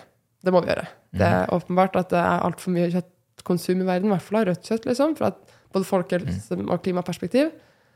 Um, og moren min sitt take var at sånn, ja, vi må jo det, men folk i dag har allerede veldig lite kontroll over hverdagen sin. Ikke sant? Så de fleste av oss er gjeldsslaver, om det er huslån eller studielån. Mm. Vi er lønnsslaver. altså bruker jeg å slave litt lett opp der, men sånn, vi må gå til en jobb, og der er vi så og så lenge, og så må vi reise til og fra den. Så det er veldig mye av hverdagen vår som vi ikke har kontroll over. Mm. på en måte. Um, og da kan det for en del folk oppleves veldig provoserende om man i tillegg skal føle at man på en måte mister kontroll over hva man spiser. Sånn, I utgangspunktet så har du åtte timer av dagen din du ikke bestemmer over, og så kanskje en time med reise, så ni timer av dagen din du ikke bestemmer over, så skal du sove en del timer, og så er det liksom veldig mye som er satt opp for deg, og du er ikke økonomisk fri, du er ikke sosialt fri, det er ganske mye, mye sånt. Og så i tillegg så skal du ikke være fri til å spise hva du vil. Mm. Og det tror jeg kan fremmedgjøre. Mm. Og den ser jeg, og det er derfor jeg tenker at når man skal få til et lavere kjøttkonsum, som er igjen, eh, noe vi må få til, på en måte, Mm. så man tenker litt hvordan går vi fram der? Der opplever jeg at det er mange som ikke er så veldig konstruktive i debatten. Men det er på begge sider, på en måte. Mm. At når det kommer til å spise vegansk, så kan ikke det, eller spise kjøtt, man kan ikke gjøre det på en fy deg, du spiser dyreprodukter-måte. Man må gjøre det på en her er sykt gode veggisalternativer. Mm. Eller sånn påpeke hvor mye mat som er vegetarisk. Og det synes jeg er helt vilt. Yeah. Folk som er sånn 'Å, jeg kan ikke spise middag uten å spise kjøtt.' Og så er det sånn Men har du spist tomatsuppe før? Mm. Har du hatt det til middag? Mm. Var det masse kjøtt i tomatsuppe av det, liksom? Mm. Det, det er jo, altså sånn, Veldig mye mat vi spiser, er jo i utgangspunktet vegetarisk eller Mm. vegansk. på en måte. Eh, sånn heller gjøre det lett tilgjengelig, I guess. Ser den. Og faktisk, jeg synes det var veldig interessant at du nevnte det, for da em, For etter å bli veganer så føler jeg faktisk at jeg har den friheten til å velge nøyaktig hva jeg vil spise, men at samfunnet ikke er tilrettelagt for det, da. Mm. For jeg er Eller hvis- jeg, jeg ble vel veganer først på en måte på klima og sånn, men så em, har jeg på en måte blitt det igjen, tror jeg, for jeg um, på grunn av det etiske. Og da føler jeg at det er ofte sånn at det er nesten, det er nesten alltid noe animalske ingredienser liksom, i produkter. da. Um, og da føler jeg at jeg på en måte blir pushet til å måtte velge det, nesten. Eller ja, ja. hvis jeg virkelig liksom vil være fri og bare ikke spise dyr, eh, så det, ja, kan det være veldig vanskelig. Men heldigvis, så nå, nå er det sykt mye lettere. Og her på Løkka dritlett, liksom. Oh, Oh, my yeah. god, det er helt Living sykt. that stereotype life. Ja, ja Nei, veldig. men, men jeg ser det. Jeg synes det er veldig interessant Ja. Mm. du sier der. At det er sånn På den ene sida så føler folk at man blir tvunget til å spise én type mat, eller Mm. at man blir liksom fratatt friheten sin til å velge å spise kjøtt. Men på den andre sida, som du sier da, du som veganer er sånn Men hvor er min valgfrihet? På en måte. Mm, Det, den også Ja. ah, det er spennende. Åh, shit, ass. Wow. Ja, Det er nydelig. Ja. ok. Um, ja, uh, hva ja, Nå blir jo det litt sånn saksfokusert, da, men samtidig så alt henger, henger sammen. Så jeg kan gjerne, gjerne, gjerne trekke det ut til der det henger sammen. og sånn også. Men em, hva føler du nå, eller tror du nå, er noen av de beste måtene å løse klima- og naturkrisen på? Oh. Ja, igjen, bare sånn lite spørsmål. ja, ja, sånn. Eh, ok, la oss starte med naturkrisa. Og vi tar det sånn lokalt eller nasjonalt. Internasjonalt det er litt stort. Eller sånn, Mm. Åpenbart Norge må støtte tiltak mot uh, å avskoge regnskog igjen og bidra ja. til at vi har natur i verden. Men så spesifikt i Norge, da. Noe jeg syns er helt vilt, er når jeg lærte for en stund tilbake at i Norge vi har ikke, en, eller har ikke hatt en fullstendig oversikt over f.eks. områder som har blitt gjort om til sånne hytteområder. Altså, det har på en måte vært gjort i, hvis jeg har forstått det riktig, måte, i hver kommune. I hvert fall har ikke vært det på en måte nasjonal oversikt. ikke sant? Mm. Og så plutselig så er det masse natur som har bygd og gjort om til hyttefelt. Og vi vet ikke hvor mye. Nei. Så Ja. et, en nasjonal oversikt over naturtap, på en måte. Eller sånn at man Ja. uh, har en ikke bare kommune til kommune eller fylke til fylke-oversikt, men en nasjonal oversikt over hvordan er status, hvor mye uberørt natur er det vi har igjen, hvor mye liksom uh, Og at, at det må være med. Eller uh, tiltak som at skal man bygge Skal man gjøre noe da, som vil føre til litt nedbygging av natur, så må man ha kompenserende tiltak. Mm. Det mener jeg er kjempeviktig. Eh, og så mye her handler bare om reguleringer, ikke sant? Det er liksom For å få lov til å ødelegge så mye natur, så må det plantes så mange trær. Ikke en forenkling, selvfølgelig, men Mm. der er det jo bare å ha litt strengere regler, fordi vi har vært veldig avslappa på det. er inntrykket mitt. Og tatt det liksom eller La oss ta vindkraftdebatten, da. Mm. Jeg er mer liberalt vindkraft enn det Rødt er. Jeg tror sånn, jeg er ikke konsekvent imot verken havvind eller eh, vindkraft på land, men åpenbart har det ikke vært en veldig grundig jobb i forkant. Mm. På en måte Det har både vært liksom utenlandske interesser og, og eiere, og så har man, plutselig har man bygd vindmøller i det som kanskje kan være ganske sårbar natur, eller ikke minst på samiske områder som truer urfolks levekår, osv. osv. Så. Mm. så sånn Jo, man har strengere regler og grundigere prosesser før man får lov til å bygge natur. Og sette liksom noen mål. ikke sant? For eksempel, jeg syns vi bør ha en nullvisjon for å bygge ned matjord. Hvorfor skal vi bygge ned matjord? Helt, altså sånn, Vi går en mer matusikker framtid i møte. Mm. Åpenbart. Så må den liksom, matjorda ikke bli lagt til motorveier. Ja, ja. Uh, Eller lager, eller enn. Mm. Å øke selvforsyning, det hjelper jeg- det er i hvert fall ikke. Det hadde vært veldig nice. Det og det er også bare for klimaet igjen. ikke sant? At ikke man må frakte masse mat til hvert land. Mm. Det er sånn solidaritetsperspektiv. at Hvis Norge ikke er selvforsynt, Mm. så må vi åpenbart kjøpe masse ting. Og så er det kanskje andre land som har mer behov for de varene som vi i stedet for på en måte kjøper. Mm. Mens med litt strengere politikk, med høyere selvforsyning, så på en måte Det er noe solidaritet inni der òg, da. Mm. Um, og andre spørsmålet, det var eh, Hva var det det var igjen? Eh, klimakrisen. Altså naturkrisen ja, og klimakrisen. Klima, ja, fordi, ja, det henger sammen. Ja. Ja. ja. Veldig. um, mm. Jeg vil snakke litt om det systemiske først. Ja, Og det, Mm. der er på en måte ikke konkrete løsninger, men på et eller annet punkt så må vi slutte med å ha evig økonomisk vekst. Det går ikke an. Vi har en jord med begrensa ressurser, og så skal vi bare produsere, produsere, produsere, konsumere, konsumere. Altså sånn, det, det er ikke bærekraftig. Det Mattestykket går ikke opp. på en måte. Vi har ikke uendelig med ressurser, da kan vi heller ikke late som at vi gjør det. Earth Overshoot Day kommer jo tidligere hvert år. I Norge er den sånn i april. Mm. Det er helt, altså, vi bruker fire måneder av året, og så har vi brukt opp ressursene våre for det året. Vi lever på lånt tid. Kjempeskummelt. Mm. Så på et eller annet punkt så må vi bare si at nok er nok. Og én ting er det er ganske mange land i verden som trenger økonomisk vekst. Norge er kanskje ikke blant dem. Vi trenger kanskje ikke ha evig forbruk.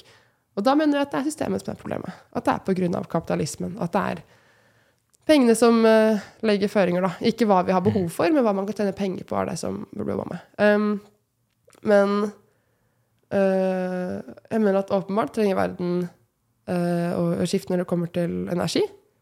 Det, altså, nå går veldig mye på fossil, som ikke kan gå på fossil. Og da, det er også derfor jeg ikke klarer å være så kritisk til vindkraft. For selv om vi kanskje ikke har veldig mye behov for det i Norge, for hvis vi oppgraderer vannkraftverkene våre, vi, eller sparer inn energi, det er ganske mye vi kan gjøre Mm. som um, gjør at vi ikke trenger å bygge ned så mye natur. Men hva med andre deler i verden, da? Skal Norge ikke utvikle bedre og bedre vindmøller som vi kan selge? På en måte, Det mener jeg, og det er muligheten for både arbeidsplasser og industri. Mm. Og også bidra ut i verden til land som kanskje ikke har de samme forutsetningene. Omstillingsmidler. altså at Hvis vi gir, um, vi gir jo bistand, vi vil kanskje også gi klimaomstillingsstøtte. Og da ikke at det må ta bort fra de totale bistandsmidlene, men som en egen type støtte, kanskje. Mm. Så vi må slutte med fossil energi. Det er kjempeviktig. Spise mindre kjøtt må vi jo også, på en måte. I hvert fall når man ser at altså sånn, man, Når man bygger ned regnskog for å uh, Hva heter det? Ha kyr, liksom. Og, og Ja. altså sånn, Mm. Åp, Hallo! Mm. Selvfølgelig skal vi ikke bygge ned masse regnskog for å spise masse kjøtt. Det går jo ikke, liksom. Eller for å Mm. plante soya for å fôre kyllingene, så de skal gå fra så små til så store på tre uker. på en måte. Mm. Det Åpenbart skal ikke bygge ned regnskog for sånt. Mm. Så vi må, må få ned kjøttforbruk. Vi må få ned forbruk generelt. Og jo, rent konkret, for jeg følte det ble veldig flytende, jeg tenkte på det her i forkant av podkasten, um, så må vi ha den politikken som gjør det mulig for oss å ikke overforbruke også. Ja, Og vi snakka jo litt om det i stad. Hva hvis folk deler på verktøyene sine? Mm. Men også hva hvis det er mulig å reparere dem? Mm. At det er lettere å få til å reparere klær, at det er lettere å få til å gjøre alle de tinga der. At det blir lett tilgjengelig. At ikke, selvfølgelig skal ikke være moms på reparasjoner. Hvorfor skal det bli dyrere? Det går jo ikke. Altså, vi trenger helt konkret politikk som er mulig for oss å få ned forbruk. Og jeg syns ofte det kan være litt vanskelig å snakke om forbruk. Fordi jeg føler det blir veldig sånn Nå må vi som individer gjøre ting, mens vi vet at det er 100 selskaper som står for 70% av utslippene. Så, men vi må snakke om hva vi kan gjøre òg, på en måte. Eh, fordi samfunnet må endres ganske drastisk hvis vi skal løse klimakrisa. Og det kommer til å påvirke livene våre. Det kommer ikke til å gi oss redusert livskvalitet, men det kommer til å gi oss annerledes liv. Gjennom f.eks. at får du hull i buksa, så kanskje du må reparere den istedenfor for å kjøpe ny en. Og da må vi tilrettelegge for den infrastrukturen allerede nå. Sånn at vi både jobber på det liksom inngripende inn i livet av våre planet, men også på det mer systematiske planet. Eh, og så må norske politikere tørre å ta mer ansvar. Ikke? Når vi går inn i klimatoppmøter er sånn Nå skal vi jobbe for klima, og så kommer vi tilbake og så er det sånn Nå skal vi fortsette med masse olje. Da er det noe som ikke stemmer, da. Ja. At vi ikke helt tør å sette i forpliktende mål. At ikke vi tør å være så ambisiøse som det vi bør være. Mm. Ja. Det er noe dobbeltmoral inn der. Det er, ikke, det er ikke helt bra. Jeg har ikke alle løsningene. Jeg bare håper at de fikser det på et eller annet vis. Ja, Og så må vi ta i bruk alle muligheter. Det, det er en annen ting òg. Sånn, ja. I Norge kommer ikke vi til å finne én ny olje. ikke sant? Vi kommer til å finne 1000 nye bein å stå på. Og det er bra for økonomien vår, for det er skummelt å være litt av, så avhengig av én uh, inntekt og én uh, bransje. Men det samme gjelder jo klima. Det kommer ikke til å være ett klimatiltak som løser problemet. Mm. Det kommer til å være alle de 1000 millioner klimatiltakene som blir innført, om det er altså karbonfangst og -lagring, mer reparasjoner, utfasing av olje, mindre forbruk, uh, mindre energiforbruk, grønn energi altså sånn alle, altså alle vet dere, mange bekker små gjør en stor å, da. ja, veldig. Uh, og vi har ikke tid til å vente, i hvert fall, så vi må bare pushe på med penger og satse på at Mm. Krysse fingra for at det ordner seg, fordi vi har ikke noe alternativ. Ja. Og at alle, eh, det er sånn, Jeg hadde en episode med Ruben Oddekalv, som er leder i eh, Miljøvernforbundet. Og han har bare så nevnt, nevnte det sånn at, at liksom, ja, sånn, liksom, uansett hva du jobber med, liksom, så bare å gjøre det på en bærekraftig og liksom klima- og naturvennlig måte. Da, Ja, ja. Om, om du liksom danser, synger og gjør, gjør noe kreativt, um, eller om du bare jobber i en eller annen butikk, eller liksom bare hva enn du gjør, liksom, og se hvordan kan det gjøres enda mer bærekraftig. Ja, ja, ja. Det er liksom. alltid rom for å si, klimaoptimalisering. Ja, ja. Altså, uansett alt, Alltid noe. Er det Kunne vi brukt noen andre penner? Altså, sånn. Mm, det, er så, det er så basic, da. mm, Eh, og det tenker jeg er den positive individualismen. For den legger ikke Ja. ansvaret for løsninga på oss. mm, Men den sier at men vi er likevel en del av løsninga. mm. Alle, vi, alle, alle, altså alt vi gjør, er, kan være en del av løsninga. Ja. Uten at de skal gå rundt og ha dårlig samvittighet. Fordi igjen, 100 selskaper, 71 av utslippene. Mm, Den statistikken står seg. mm, Men det er fortsatt 29 da. Og det de 100 selskapene står for, det er på en måte Vi er jo med å forbruke for det òg, på en måte. true. Og kanskje vi i Norge skal ha et litt annet føle, En litt annen følelse av ansvar enn det man skal i det globale sør. Og kanskje de med sykt mye penger skal føle veldig mye mer ansvar enn folk med lite penger. Altså sånn, Hvis du er avhengig av bilen din for å komme deg til jobb fordi det ikke går buss, Mm, så skjønner jeg at det er sykt dritt å få altså, Jeg er jo mot bompenger, faktisk. Så skjønner jeg at det er skikkelig kjipt å få en sånn Nå må du betale Du har allerede lite penger. Nå må du betale masse penger hver dag Mm. for å kunne dra til jobb fordi at vi politikerne ikke har bygd ut godt nok kollektivtilbud. mm, Altså, Mm. Det er snakk om slap in the face, da. Mens de som har mest penger altså sånn, uh, Besteforeldrene mine har en hytte, Mhm. og ganske nærme den hytta og hvem er det der? I hvert fall en av de superrike folka Mm. har en hytte på en øy i nærheten. Mm. Og han har årlige fester. Jeg husker ikke hvem det er. Kan være Stein Erik Hagen. Litt irriterende at jeg ikke husker det nå. Mm. Men på de festene altså sånn, da, Det flyr en helikopter, altså. Så jeg tror folk ikke skjønner hvor sykt rike de rikeste er, og hvor sykt mye de forbruker. Og hvor lett de kommer seg unna med det på. Mm. Og da må vi være litt strenge. Sånn, jeg er helt for et forbud mot privatfly. Mm. Fordi hvis man kun gjør det dyrere å forurense, så må vi huske at um, Å, hvordan er det uttrykket går? Hvis man får en bot for å parkere feil, ikke sant? så betyr det for de fleste mennesker at 'jeg kan ikke parkere her, jeg får en bot'. For folk med mye penger betyr det 'her koster det penger å parkere'. Mm. Og så får du nok bøter, så får du prikker også diverse, da. Men Oh. jeg har ikke lappen, jeg skjønner ikke hvordan lappen funker i det hele tatt. Men liksom Tanken er at hvis man bare gjør ting dyrere, Mm. så betyr det at de som har sykt mye penger, Mm.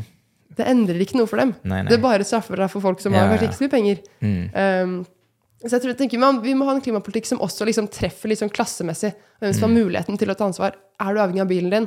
Du kan ikke slutte å dra på jobben din for klima. Mm. på en måte. Eh, mens de rikeste kan helt fint slutte å fly privatfly. Mm. De trenger, ingen trenger privatfly. på en måte. Heftig. Um, hvordan tror du vi kan minske polarisering? Mm, ja, jeg kan jo slutte å snakke så mye dritt om de rike, da. Nei, det kommer jeg ikke til å gjøre. Sorry. mm, jeg tror en av de store problemene i politikken er at eh, den Det er en sånn 'Hvem vant debatten?'-opplegg. Etter hver ungdomspartilederdebatt og etter voksenpartilederdebatten. ikke sant? Da rulles det ut terningkast Mm. for hvem som gjorde det best. Og Ja. man får ikke terningkast på hvor nyansert var man. For å si det veldig enkelt, da. Det er jo et terningkast på hvor tydelig var man, hvor mye respons fra salen fikk man, hvor liksom sassy var man. Kanskje ikke, men du skjønner hva jeg mener. Ikke sant? Det er liksom, og det blir en konkurranse. Hvis jeg er i Dagsnytt 18 mot noen, så er det ikke en konkurranse med at, eller det er ikke en debatt der vi sitter og er sånn Kan ikke du forklare meg standpunktet ditt? Og så lytter jeg, og så svarer jeg ja, det var interessant. Jeg ser det og det poenget. Jeg tenker kanskje dette. Det har aldri vært en sånn debatt. Mm. Om å gjøre å få inn de beste one-linerne og liksom vinne. Mm. Og da kommer man ingen vei. Og, så, Nei, ja. og jeg skjønner at politikk handler om det, fordi man liksom Man skal ha stemmer og medlemmer og velgere og diverse, Mm. men det hindrer oss jo også helt enormt. Da. La oss ta klimadebatten. Mm. Eh, vi kommer ingen vei hvis det bare skal bli en konkurranse i å være uenig eller rope høyest. Mm. Men så blir det en konkurranse i å være uenig og rope høyest. Mm. Eh, men noe polarisering vil man jo ha uansett, fordi folk er uenige. På en måte. Altså, Mm. det er helt Rødt og Høyre kommer til å ha ulike syn på rikdom og fattigdom, Mm. på en måte. Og det er bare sånn det er. Og jeg syns ikke at jeg skal slutte å si 'ingen belever fattigdom'. På samme måte som jeg syns ikke Høyre skal slutte å si at 'men herregud, de aller rikeste skaper masse jobber'. På en måte. For det, det, jeg føler noen ganger at når vi prater om polarisering, så ender vi opp med å snakke så mye om polarisering at vi nærmest ender opp i en situasjon der man Man skal selvfølgelig moderere seg fra sykt polariserende, kjipe utspill, men man skal ikke moderere sine politiske meninger.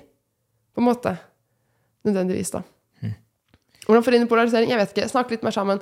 Flere snakke sammen-formater. Det er ikke like spennende og like gøy Ja. å se på som en debatt, men jeg tror det er veldig mye bedre. Mm. Og så Ja. må man liksom se hverandre, og så er man i ekkokamrene sine, og så har du Mm. internett, som er et Altså kommentarfeltene i seg selv er liksom en egen, egen diskusjon. Men da tror jeg da må vi bare ha litt sånn nettvett, egentlig. Mm. Kurs i hvordan bruke Facebook for du som er 50 pluss. Altså, nei da. Det, Ja. det var sykt condescending overfor folk som er 50 pluss. Beklager hvis det er noen lyttere. Nei, jeg tror ikke. Kanskje pappa. Nei, nei. Det veldig hyggelig. Å, så kult. Men ja, um, det lurer jeg også på. Vet du om det finnes Eller hvor hvor snakker um, Dette er sånn inne på Ikke et dumt spørsmål. Um, dumt spørsmål. um, hvor snakker politikere Eller liksom, hvor, hvor skjer de samtalene? For de samtalene må jo skje, håper jeg. Sant? At man virkelig prøver å lytte og høre. Um, for jeg så Ja. ett program på NRK, men det ble lagt ned, tror jeg. Det het sånn Enig Oi, tror jeg. Men så skjønner jeg at det fikk sikkert ikke så mange seertall, og så um, forsvant det. Eh, men det er fortsatt oppe, så det er noen episoder inne på NRK, så jeg. Eh, Men, men ja, men det er jo TV, så det er jo Ja, ja. absolutt ikke der man møtes, tenker jeg. Mm, Liksom, har, har dere sånn eh, En gang i måneden så møtes alle ungdomspartiene? vi gjør ikke det. Vi bør kanskje gjøre det. Vi møtes jo Ja. mest i forbindelse med debatter, da. Eller kanskje Ja, det er et sånn mm. felles opplegg. Noen inviterer til et møte som vi deltar på og lærer noe, eller at vi er i en debatt sammen. Ja, ja. Men da er det jo som i en debattformatet. Mm. Um, ja, det hender jo okay. at ungdomspartilederne blir invitert med på turer. Det har hendt at det er liksom, og, så plutselig er man en del samla. Og da, hvis du sitter på buss med noen i to timer, Mm. så får du prata med dem også om uenigheter. Så de samtalene finner jo et sted, men ikke på den måten de kanskje bør gjøre. Det er ikke sånn systematisk. Ikke å si. systematisk. Men, Jeg tror sånn sett noen av de mest interessante samtalene jeg har hatt, er når jeg går Mm. inn i La oss si det er en panelsamtale, eller kanskje til og med en debatt, men en debatt der det ikke er avgjort hva man mener. Så dette er et område der Mm. vi har ikke politikk på dette området, som betyr at jeg snakker litt mer ut fra magefølelsen min. Mm. Og som regel så skjønner jeg jo at ok, vi mener kanskje ikke noe om akkurat dette, men vi mener dette i den saken og dette i den saken og dette i den saken, så jeg kan liksom regne meg fram til cirka hva vi ville ment hvis vi hadde hatt politikk på temaet. Mm. Men det at man da ikke At det er rom for å synse litt mer, Mm. det syns jeg er veldig positivt. Og det har jeg hatt noen sånne gode samtaler der liksom Ja, det syns jeg var et godt innspill her fra, fra Unge Høyre. Eller fra FPU, vet du hva? Det elementet der er jeg enig i, selv om jeg er uenig i det her og det her. Mm. Um, men det er ikke så ofte at det skjer. Man snakker som regel mest med de man er enig i, Ja, ja. eventuelt, ja. Så det, Mm. der er nok litt å gå på.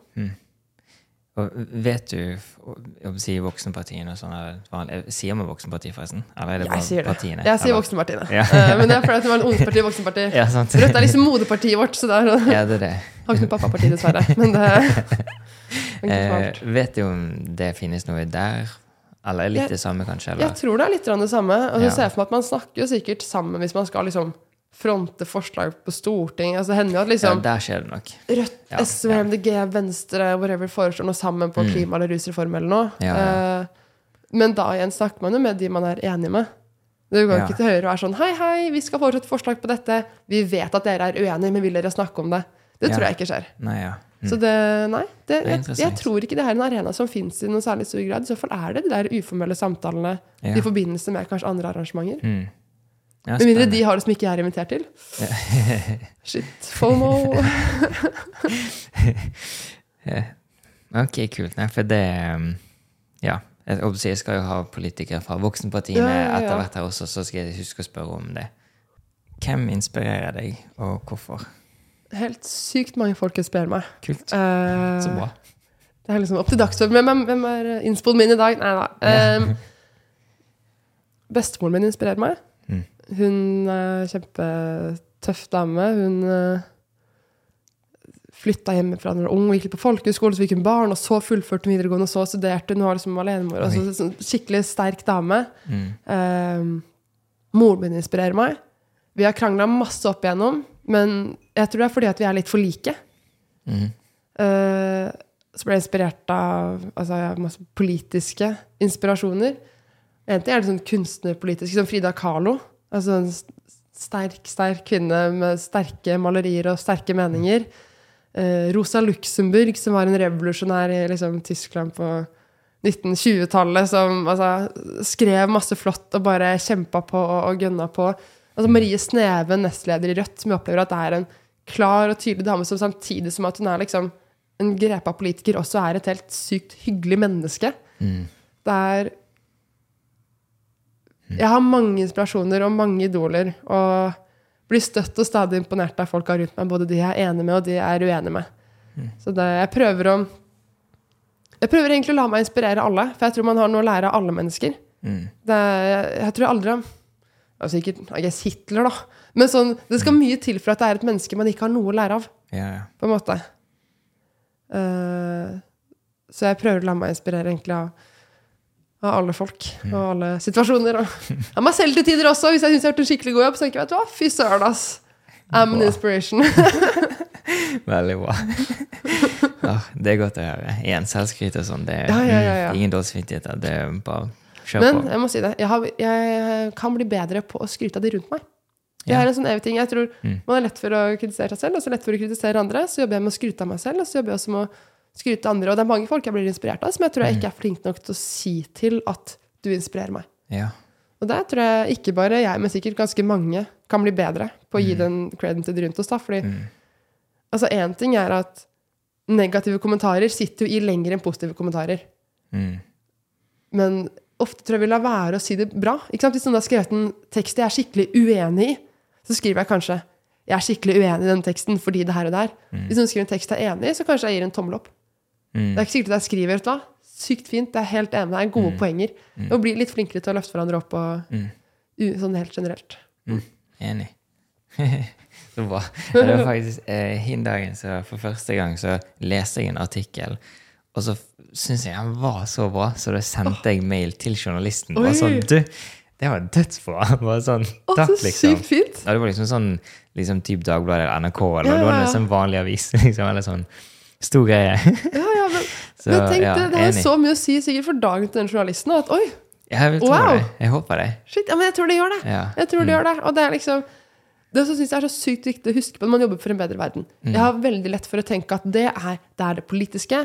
Det Mm. er om jeg tar buss. Det er hva man, altså sånn at det er veldig sånn politisk handlingsfokusert. Mm. Men en del av det å gjøre verden bedre er også på en måte å være hyggelige mennesker. da. Mm. Altså, hvis man gjør arbeidsplassen sin litt koseligere, eller smiler til de som står bak kassa i butikken. altså sånn, Mm. Alt det er jo også med på å gjøre verden litt bedre. Mm. Og det må man huske på. at det er sånn, Bare det å være menneskelig, liksom tillate seg selv å være glad og, Ja, og hyggelig med folk rundt seg, ja, det, det også er en del av helheten. da. enig. Nydelig. Eh, og så lurer jeg på, har du noen eh, boktips eller dokumentartips eller filmserier? Oi. Et eller annet? Men tenk litt her. Jeg har skrevet at jeg er, jeg er kjempedårlig på å lese bøker. Det er sånn det er evig nyttårsforsett. Lese flere bøker. Mm. Og så leser jeg sånn en bok i januar, og så er det sånn Wow, så flink jeg blitt til å lese bøker! Og så leser jeg kanskje en til i løpet av året. Det, det er litt flaut. Og så når det kommer til serier, jeg er altså sånn veldig sånn um, De seriene jeg har sett på siden jeg var 14, liksom, de som gir meg litt sånn comfort. Mm. Jeg på det. Men um, jeg har både bøker og serier og dokumentarer å uh, anbefale. Oi, hva heter den? Det er en helt sykt god dokumentar. Så det er en sykt bra dokumentar som jeg ikke husker hva heter i det hele tatt, men som visstnok sånn kommer i beskrivelsen eller noe. uh, som er skikkelig, skikkelig, skikkelig bra. Som tar for seg nyliberalisme og liksom samfunnet vi lever i i dag, og hvordan Åh. Nei, jeg tror jeg husker hva den heter. Jeg husker ikke hva den heter ennå. Men eh, i hvert fall en helt utrolig god dokumentar som første gang jeg så den, ble helt satt ut. Og den har jeg bare funnet på liksom YouTube. Så det er liksom kornete kvalitet og liksom Mm. Men innholdet Kult. Helt nydelig, liksom. Um, Ok, Så den ligger i beskrivelsen? Ja, ja. Eh, ja. Nydelig. Den bør sjekkes ut. Ja. Uh, ja. Um, bøker Jeg har nylig begynt å lese en bok som heter 'Streik', skrevet av Jonas Mals. Som er Jeg har lest sånn forordet, og det er det. Men det er ganske langt forord. Og den er, uh, det jeg leser litt, er veldig bra. Og den har jeg veldig lyst til å lese ferdig. Det har jeg ikke fått gjort det nå. Mm. Men den handler da om på en måte streik, da, men også sånn Mm. arbeiderbevegelsen sin historie. Og det er noe jeg syns vi må snakke litt og lære litt mer om, egentlig. For sånn velferdsstaten vi har i Norge, det samfunnet som vi har, det er jo i veldig stor grad bygd opp av arbeiderbevegelse, av fagbevegelse, av folk som har organisert seg, og krevd bedre lønn og bedre forhold, men også velferdsstat og sosial utjevning. Altså sånn, det, det vi på en måte, når man snakker om Norge, man snakker om sånn yes, det som er så bra med Norge, sånn som velferdsstat, alt det kommer fra arbeiderbevegelsen. Mm. Men vi lærer nesten ikke om det på skolen. Og man hører for lite om det. Til tross for at liksom LO har en million medlemmer. Men allikevel så tror jeg liksom arbeiderkamp er ganske fjernt for mange mennesker. Mm. Så den boka har jeg tenkt å lese ferdig, og jeg regner med at jeg kommer til å anbefale den også. Mm. Når, jeg er ferdig med den. Gøy. Eh, nei, så er det dokumentaren, da. Uh, streik. Mye Jeg er for dårlig på å ta inn over meg med det. Jeg bruker mye tid på å se på Friends og sånne liksom ikke så kloke uh, type serier. Men uh, jeg tenker at det får være lov, det også. Ja, det er viktig å chille og koble av og ikke hele tiden være på, liksom. Så, Ja. ja. Sykt. eh, jeg syns også det. Ja. Jeg tror det er veldig viktig. Og så til og med der kan man også få inspirasjon ofte. Ja, ja, ja. Eh, For så vidt. Altså, jeg, jeg elsker liksom superheltfilmer sånn, så jeg sånn Ja, vi skal redde verden! Og jeg var sånn Yes! Å, nydelig. Ja, ja, ja. ja, ja. ja men jeg er helt enig. Og man må, man, man må finne inspirasjon der man finner den, og la seg selv eh, slappe av. Det er, men det er faktisk et problem. Jeg har blitt veldig dårlig på å se på i hvert fall en del dokumentarer og fakta sånn etter at jeg ble RO-leder. Ja. Som jeg tror er fordi én ting Hvis jeg da kommer hjem fra jobb, det, og så setter jeg meg i sofaen, vi ser på et eller annet Hvis jeg da skrur på en serie eller mer en film som handler om noe dagsaktuelt Jeg bør jo egentlig se på det, fordi det er bra for meg å være oppdatert. Mm. Men da føles det som jobb. Og det, det synes jeg kanskje er noe av det som er litt trist med å drive med politikk på fulltid. da. At da blir det plutselig det, det blir mer jobb. Mm. Og det, det er litt mer jobbfølelsen. Litt mer sånn der, ja, nå drar jeg på jobb og gjør det her og det her. Mm. Og da ja, jeg har kjent at noen ganger må jeg jobbe litt ekstra for å kjenne på flammen, på en måte. Mm. Um, og jeg syns dokumentarer er sykt spennende, og å lære om verden er kjempeinteressant. Og det er litt trist at jeg noen ganger kjenner at jeg, nå har jeg hatt en lang dag, jeg er sliten, jeg klarer ikke å se på det her akkurat nå. Mm. Um, det syns jeg er litt trist, faktisk. Mm. Men det Jeg vet ikke hva jeg skal gjøre med.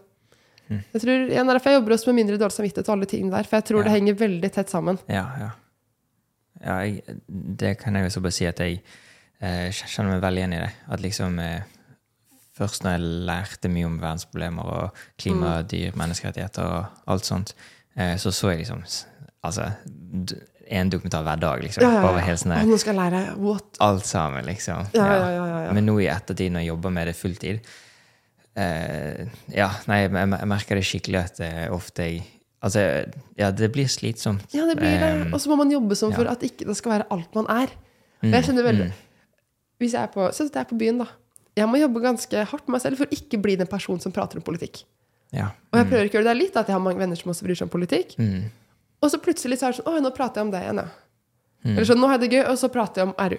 mm, Eller så et eller annet. Og da får man på en måte Man må kunne ta litt pause fra det også, for ellers blir det så sykt liksom altoppslukende. Sånn jeg har, mm, jeg har ligget i senga og prøvd å sove og tenkt at å, det leserinnlegget, det bør jeg skrive, da bør jeg formulere det sånn og sånn og sånn. Sånn. Kan jeg ikke bare telle sauer? Kan jeg ikke bare få lov til å sove, på en måte? Mm. Det har vært sykt digg å ikke drømme om organisasjonen som er leder. mm. Det blir veldig sånn altoppslukende, og det også Uh, Nei, det blir litt mye, altså. Da tror jeg at Noen ganger så føler jeg at jeg jobber mer enn det jeg gjør. Mm. Tror også kanskje, Men det er bare fordi jeg tenker på det hele tida. Mm, mm, Men det betyr ikke at jeg gjør mer med det. Så jeg prøver å skille litt sånn Når, er jeg, når jobber jeg med ting? Når har jeg på en måte fri? Når slapper jeg av? Og det gjør at man blir mer produktiv også. Altså Når jeg jobber mye bedre eh, åtte timer om dagen hvis jeg ikke eller hvis jeg tenker på noe annet når jeg er ferdig på jobb. mm. på en måte. Og gi meg selv liksom tillatelse til å slappe av og være fri. Men eh, ja. Chill. Og det tror jeg sikkert alle som driver med organisasjonslivet, kan kjenne på. Alle Ja. som jobber med de tinga der. Det er jo bare en evig kamp hvordan liksom ha en personlighet i tillegg til å bry seg om. Ja, ja, ja. det er ikke tull engang. nei, nei, nei. Damn. Um, har du noen siste tanker eller noe du føler vi ikke har touchet inn på? et eller annet?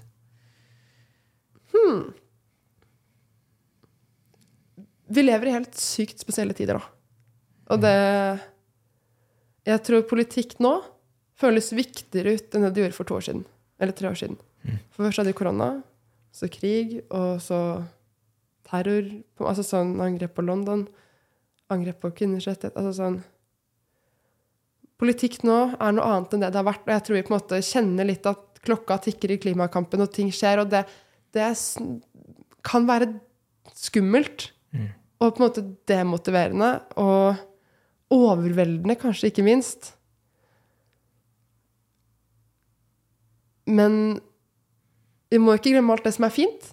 Det mener jeg helt genuint. Ting er vanskelig, ja, men det er fortsatt fine ting som skjer. Det er fortsatt liksom Om et par måneder, et par måneder er det vår. Eh, mennesker stiller fortsatt opp for hverandre. Man vinner også på det som er fint, og huske at vi kan ikke gjøre noe med alt. Men vi kan gjøre noe med noe. Og selv om det vi orker bare er å smile til personen som sitter bak kassa, Mm. så er det fortsatt Har vi fortsatt gjort noe, da?